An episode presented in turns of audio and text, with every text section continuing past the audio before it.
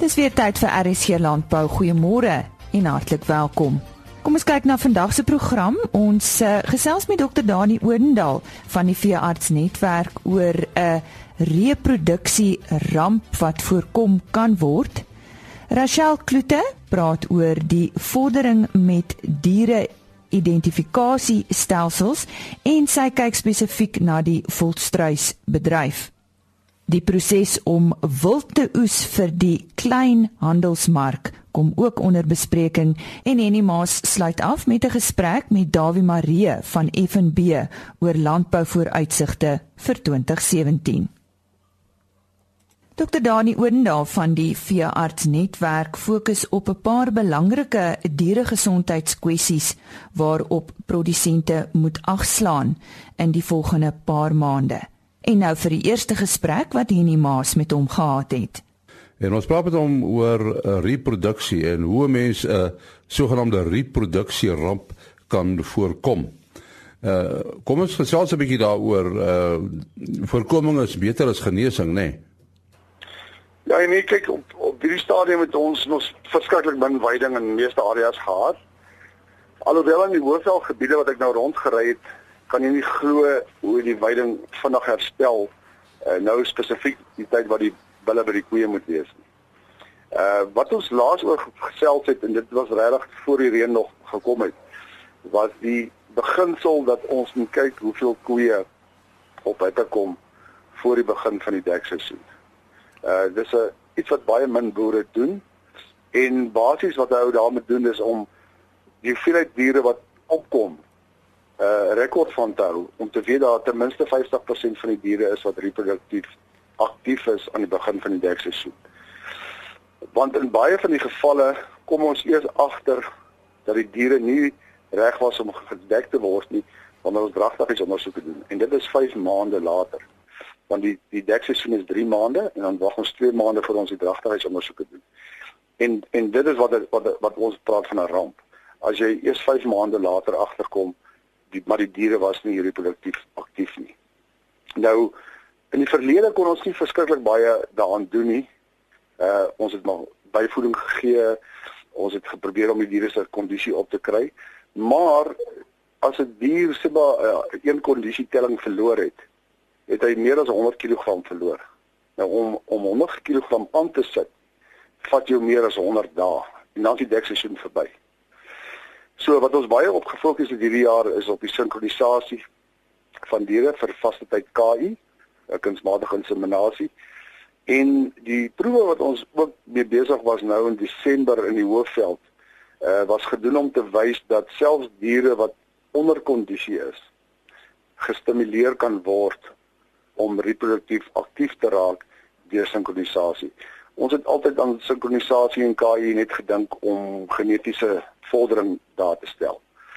Uh dit is eintlik nie so nie. Dit is 'n baie groot bestuurshulpmiddel. Veral in 'n tyd waar diere onder kondisie is. Ons het nie tyd om, om hulle in kondisie te kry nie, maar dit gaan 2 na 3 maande toe vat voor die dekseisoen verby is. Uh word hierdie prosedure dan deur die veearts gebruik om diere net reproduktief aktief te kry en dit is die gebruik van die hormone wat ons normaalweg gebruik vir sinkronisasie. Ja, hierdie hormone, daar hang ons so 'n bietjie van 'n wolk uh, op hormone. Is, is hulle heeltemal veilig om te gebruik nou in die geval vir sinkronisasie? Ja, so sê ou moet nooit die baba met die badwater uitgooi nie. Hormone is 'n groot term vir 'n verskriklike klomp verskillende goed. Die uh, probleem met hormone wat in die media baie keer aangespreek word en sensasie sensasie veroorsaak is maar groeihormone. Dis goede wat vir diere gegee word om vinniger te groei en daai tipe van goede. Hierso praat ons van die dier se natuurlike hormone wat eintlik 'n klein bietjie gemanipuleer word. Al wat ons doen is uh die, natuurlike hormoon wat die dier afskei. Ons doen 'n implantaat in die dier dat sy daai vlak van hormoon het en dan verwyder ons hom. En dan is dit soos 'n damwal breek, dan kom die hele siklus aan die gang. So dat hierdie hierdie hormone wat ons hiervan praat is geslagshormone dit het niks te doen met die sensasie oor oor groeihormone en daai tipe van goed nie. So dit is 'n baie spesifieke nuwe tegnologie. Uh nie, ek wil nie sê nie, nie ons gebruik dit nog 30 jaar, maar elke jaar verbeter dit en op die oomblik uh die groot fokus is om diere wat nie siklies is nie uh, geslagsaktief is nie aan die gang te kry om hulle gedek te kry. En natuurlik al hierdie dinge saam met die plaaslike veearts, nê. Nee. Ja, kyk, dit is baie belangrik om saam met die veearts te doen. Die eerste ding is jy kan glad nie enige van hierdie prosedures of hormone gebruik as die dier nie eers ondersoek was deur 'n veearts. Hy mag nie dragtig wees nie. Jy moet dan ten minste weet wat daar in die binne in die gang is. Is die eierstokke baie klein, is aktief en dit is almal voorskrif medisyne. So uh dit word in baie nou samewerking met die veearts gedoen en die veearts was oor die laaste 3 maande ek dink daar was seker 6 7 verskillende opleidingssessies deur die land gewees spesifiek hieroor en so die veearts is totaal ingelig oor hierdie sinkronisasie en, en vaste tyd KI. Danie, telefoonnommer is daar vrae is. En die heel beste is as hulle plaaslike veearts wil skakel, as hulle my wil skakel 082 4540532. Maar soos ek sê, hulle plaaslike veearts is werklik ingelig rondom hierdie prosedures om hierdie koeie aan die gang te kry in die begin van die dekseisoen. Baie dankie Henny en hy daar gesels met dokter Dani Oudendal van die veeartsnetwerk. Suid-Afrika se volstruisbedryf is na raming verantwoordelik vir ongeveer 70% van die wêreldwye volstruisproduk-aanbod en die vleismark. Deel van die bedryf se suksesverhaal is die diere-identifikasiestelsel wat geïmplementeer is om plaaslik en internasionaal aan standaarde te voldoen. En hier gesels nou met Rachel Kloete, stigterslid en algemene bestuurder van GMP Basic oor vordering met die omvattende diere-identifikasiestelsel wat vir die volstruisbedryf geïmplementeer word. Rachel het so ietsie oor die rol van 'n diere-identifikasie. Uh dis natuurlik belangrik vir vee en die wildbedryf, nê? Nee? Ja, uh, definitief is dit baie belangrik in alle lewende hawe want dit is baie belangrik om te dier individueel te kan identifiseer sodat jy kan weet wat is sy gesondheidsstatus as ook sy ehm um, reproduksiestatus van dit is uh, jou finansiële bate aan die einde van die dag.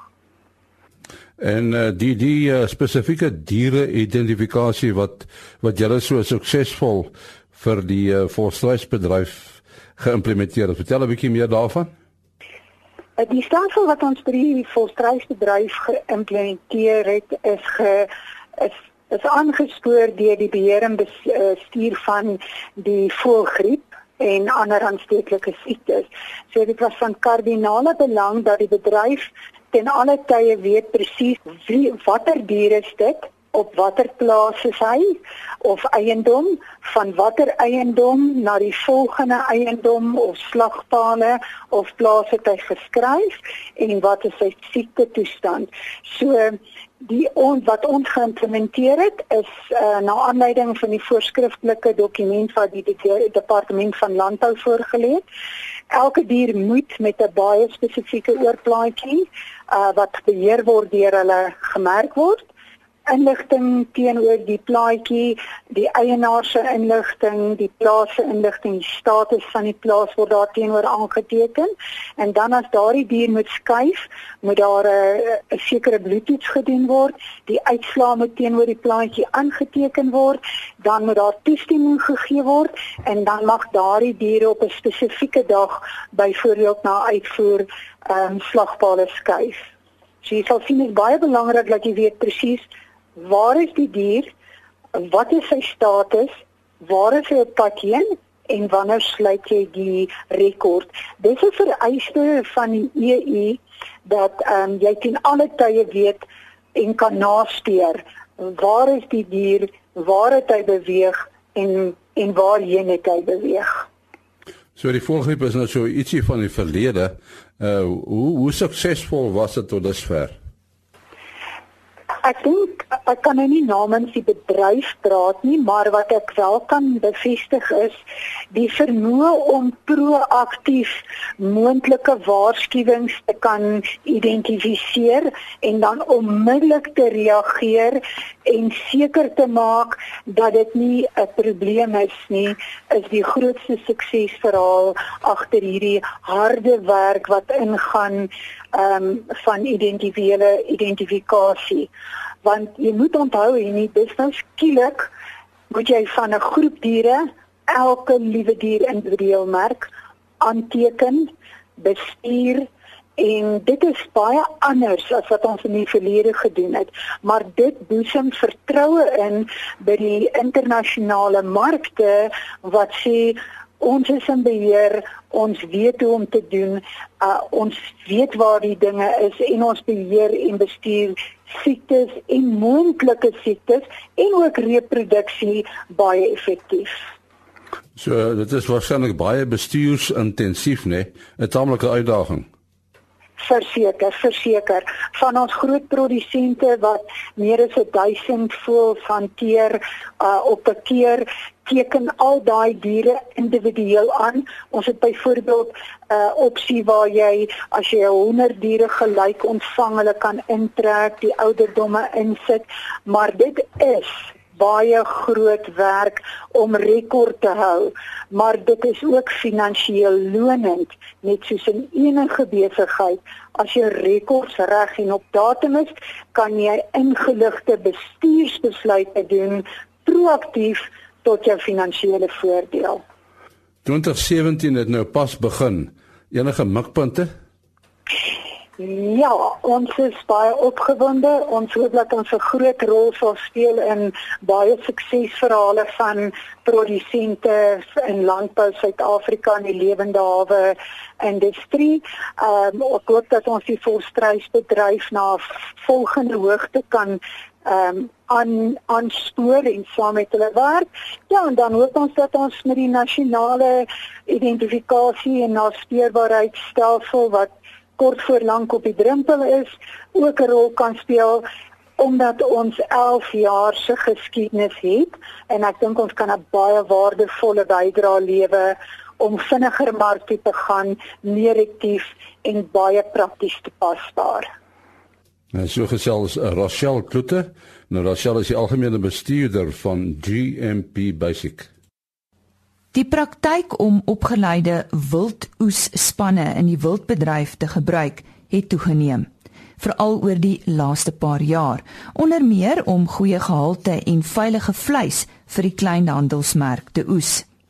En die maas gesels nou met Stoffel Kritzinger, die eienaar van Stoffelberg Wildsvleis, oor die rol van wildoes-spanne en die regulasies waaraan hulle moet voldoen.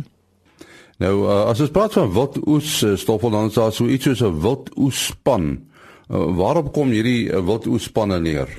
Die wildoesspanne is is geakkrediteerde spanne wat goedgekeur is deur veeartsenydienste en wat uh te doen volgens die nuwe wetgewing hoe wil dan ook geoes moet word.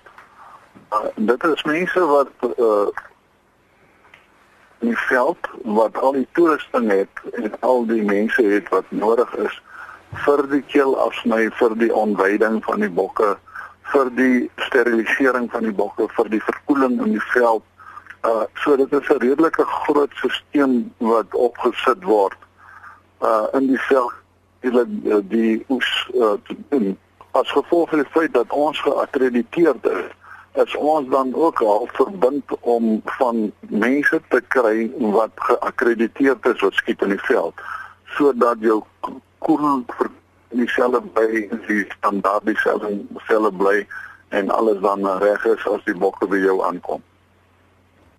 So so die wat oespan uh, skiet hulle ook wild uit of nie?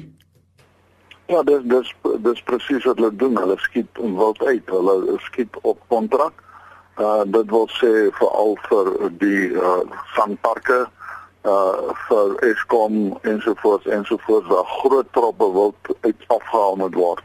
Uh en dan moet jy natuurlik die aard van die saak die die toerusting hê om dit te kan doen. Uh ek meen ons het laas jaar en die laas jaar het ons gedoen vir 800 bokke in 3 dae se tyd. Uh, ek meen nie ons nie, maar die die, die skietspan. So ja, hulle hulle is hulle is goed georganiseer en hulle is absoluut volgens die regulasies. Ja, uh, hierdie hierdie mense wat die skietwerk doen, deel van die span.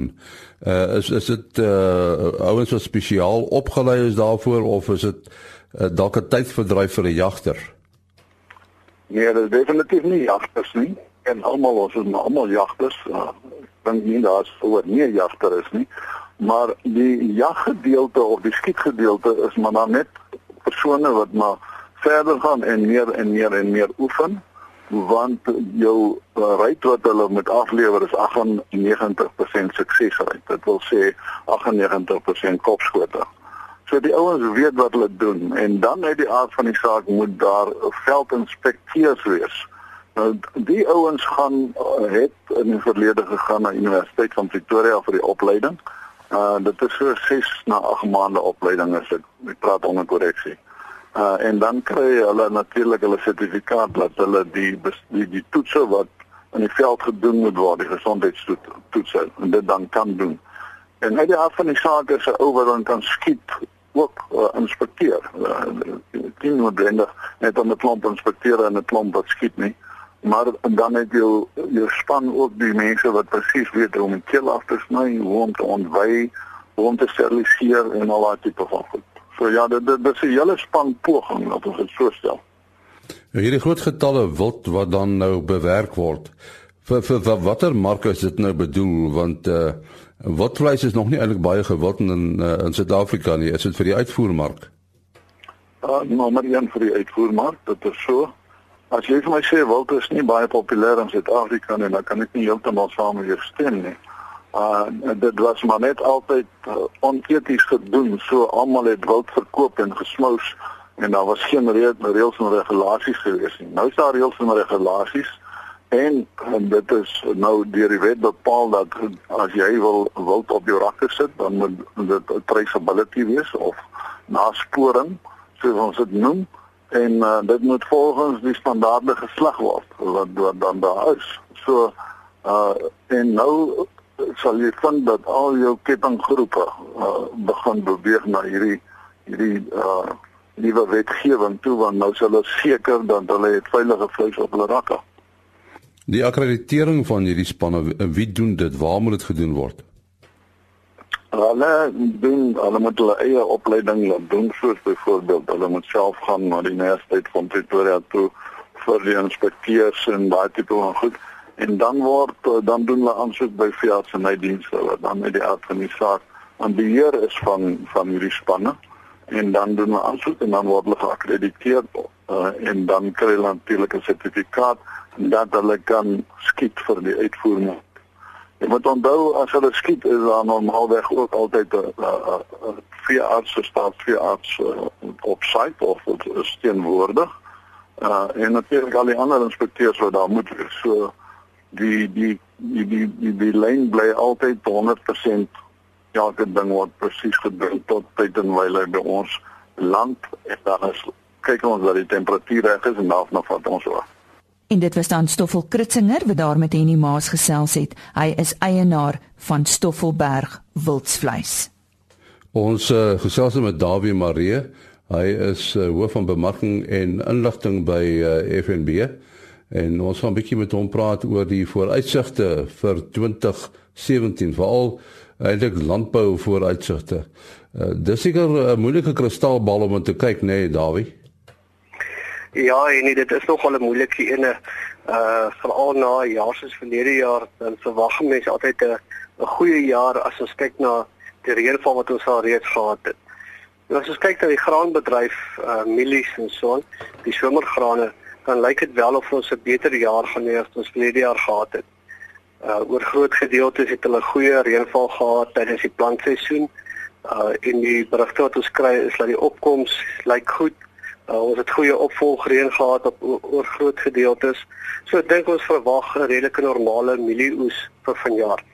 Wat natuurlik goeie nuus is vir ons mielieboere en natuurlik ook goeie nuus is vir van ons meer intensiewe mielieverbruiksbedrywe soos die melkbedryf, die vark en die hoenderbedryf. in terme van die insetkoste uh, wat na voer toe gaan. So ons verwag dat die mielieprys daarom uh, redelik stabiel sal bly op die vlakke wat hy tans is. Uh as daar nie groot probleme kom hier na Februarie se kant toe nie. Aan die ander kant uh, ons ekstensiewe veebedrywe is natuurlik die bedrywe wat ek nog bietjie oor bekommerd is. Uh die reënval in die Suid-Vrystaat is nog nie na wense gewees nie. Uh en en weidingsgroei is natuurlik baie afhanklik daarvan. So in terme van die van die bees en die skaalbedrywe is daar nog 'n moeilike tyd met voorlê. Nou hierdie hierdie moeilike tyd wat voorlê, uh, die groot vraag is natuurlik hoe lank kan dit duur? En ja, dit is natuurlik 'n moeilike ene. Uh na 'n droogte soos wat ons die laaste paar jaar gehad het wat uh, op sy piek gedryf is verlede jaar, uh is die verwagting dat die die beesbedryf uh kan enigiets van 5 tot 7 jaar neem om te herstel. Uh die skaapbedryf of skaap uh kudde is natuurlik 'n bietjie vinniger. Uh hulle kan so binne 3 jaar herstel as ons 'n goeie jaar het in daardie streek. As 'n mens kyk na een van die veranderlikes, is dit natuurlik die wisselkoers. Natuurlik, die wisselkoers speel 'n baie belangrike rol in in baie van ons uh, produkpryse, omdat baie van die produkpryse is afgelei van internasionale pryse. Nou die wisselkoers is natuurlik 'n moeilikhede om te voorspel vir enige ekonom. Nou, is 'n klomp faktore wat daarop 'n uh, uh, impak het, dit beide plaaslike en internasionale faktore. Uh ek verwag nie dat ons vanjaar 'n groot uitval in die wisselkoers van hierdie. Uh so ons behoort daarom op redelike op die vlakke wat hy tans verhandel, tensy daar ernstige politieke skommelinge kom, uh, behoort ons daar daar te verhandel en die finansiële posisie van boere oor die algemeen? En oor die algemeen lyk dit asof daar 'n uh, hoe kan ek sê 'n beter vooruitsig is vir vir die finansiële posisie van boere. Uh ons weet dat ons verlede jaar 'n klompie probleme gehad het, uh, boere wat uh wat ongelukkig moes uh moes ophou boer as gevolg van die droogte. Ja, natuurlik ook 'n klompie ander faktore wat daar ook 'n rol gespeel het. Dit is nie net die droogte nie. Ek dink ons kaliber van boere het gewys dat ons weet ons weet dit oor die algemeen dat ons baie goeie boere en van die bestes in die wêreld het. Ehm um, so die boere wat goeie uh, finansiële besluite geneem het in die, in die vorige goeie jare het die droogte jare oorleef uh, en hulle sal net voortbou daarop. As ons so na die weerpatrone kyk, uh, ons praat nou eintlik van die somerreënvalgebied, maar hoe lyk dit in die winterreënvalgebied, die Kaap? Hey, dit is dit is een van my groot kommers vir vanjaar is die is definitief die Weskaap. Hulle het nie 'n goeie winterreenseisoen gehad uh verlede jaar nie. Uh en ons is maar nog met 5 na 6 maande weg van hulle volgende reenseisoen. Damvlakke in die Weskaap is is redelik laag, die laagste wat ons in die laaste paar jaar gehad het wanneer dit in hierdie tyd van die, van die seisoen. Meeste van die damme is is, is 50% of selfs minder. Daar is 'n paar wat wat wat 'n goeie vlak het, maar dis nie minder belangrike damme. So ek is bietjie bekommerd oor die Weskaap uh vir die volgende paar maande. Uh definitief uh, is daar 'n paar probleme aan die kom. Uh maar ons sal natuurlik kyk hoe hoe dit uitspeel hier na die na die winterseisoen toe. Die Suid-Kaap, Oeverberg, daai gedeeltes, hulle het 'n baie goeie seisoen gehad verlede jaar uh, en ek glo as ons kyk na die weerpatrone hoop ek dat uh, al hierdie jaar weer ook 'n goeie seisoen sal hê. Ja, die insetkoste is natuurlik die groot vraagteken want uh, insetkoste kom dikwels onder druk uh, en veral as dit die wisselkoers aanbetref. Wat verwag jy gaan met insetkoste gebeur? Ja, insetkoste gaan sal waarskynlik ook ook styg. Uh, dit soos jy genoem het is gekoppel aan die wisselkoers. Uh natuurlik ons brandstofkoste is gekoppel aan die aan die aan die olieprys. Uh en ons sien opwaartse druk tans in beide die olieprys en die brandstofkoste. Uh dit is natuurlik ook die olieprys speel ook natuurlik 'n rol in kunsmispryse. Uh so daar kan ons natuurlik ook bietjie opwaartse opwaartse druk verwag. Dan aan die ander kant is daar nog die die nasionale minimumloon wat nog op die tafel is uh wat 'n impak kan hê op landbou alhoewel die landbousektor alreeds 'n minimumloon in plek het behoort ons vir die vir die eerste paar jaar uh, vrystelling te kry daarvan. Uh, maar dit is natuurlik ook uh, afhangende van die van die onderhandelinge onderhandelinge en die politieke situasie uh, wat daar 'n rol gaan speel. Ander insetkoste dink ek sal definitief met uh soos in die verlede met meer as die as die inflasiekoers styg. Uh, so daar gaan daai koste net my plan maar steeds op boere wees. Nou iets is Agua wat uh redelik in die weer was verlede jaar. Wat dink jy gaan vanjaar gebeur? En ja, glo nie, ek glo nie ons gaan baie beweging sien op op Agua nie. Ehm um, ek dink met uh die die huidige politieke situasie in Amerika dink ek nie die klem is werklik op Afrika en en die Afrika onderhandelinge en en en, en uh handelsooreenkomste nie. Ek dink op die stadium uh gaan gaan die inkomende president meer fokus op China en Europa en daardie lande, Mexiko natuurlik ook. Uh so ek ek glo nie ons gaan groot bewegings op AGOA sien nie. Ons kan natuurlik net voorbeeld daar uittrek uh, as dit redelik onder die radar beweeg. Nou uh Dawie hierdie en an, ander inligting, die is op uh, die FNB blok uh, te sien, hè. En ja, ons uh, stel so weekliks of partykeer twee weekliks uh, stel ons van hierdie inligting en natuurlik ook vir ons markinligting uh op ons FNB blok vry. Beide myself uh en my kollega Paul Makubi skryf gereeld daaroor. Uh so mense is welkom om die FNB webwerf te besoek. Uh die die landbou webwerf te gaan opsoek en dan op ons FNB blok te kyk indien hulle meer inligting wil hê. Baie dankie. Dit was aan Dawie Marie, hoof van inligting en bemarking by uh, FNB Besigheid en Landbou. En daarmee het ons gekom aan die einde van vandag se program. Onthou indien jy graag weer na die program wil gaan luister, besoek gerus die gewone RSG webtuiste. Dit is www.rsg.co.za en soek net onder potgooi vir RSG Landbou en die datum van die program sal ook daar verskyn. Alternatiefelik kan jy ook www.agriorbit.com raadpleeg vir die onderhoude. Bo in die bladsy, klik op broadcast en dan RSG landbou en soek dan vir die onderhoud. Dit is www.agriorbit.com. Onthou môreoggend weer in te skakel vir RSG landbou. Totsiens. RSG landbou is 'n produksie van Blast Publishing. Produksieregisseur Henny Maas. Aanbieding Lisa Roberts. En uitskoördineerder Martie Kerstyn.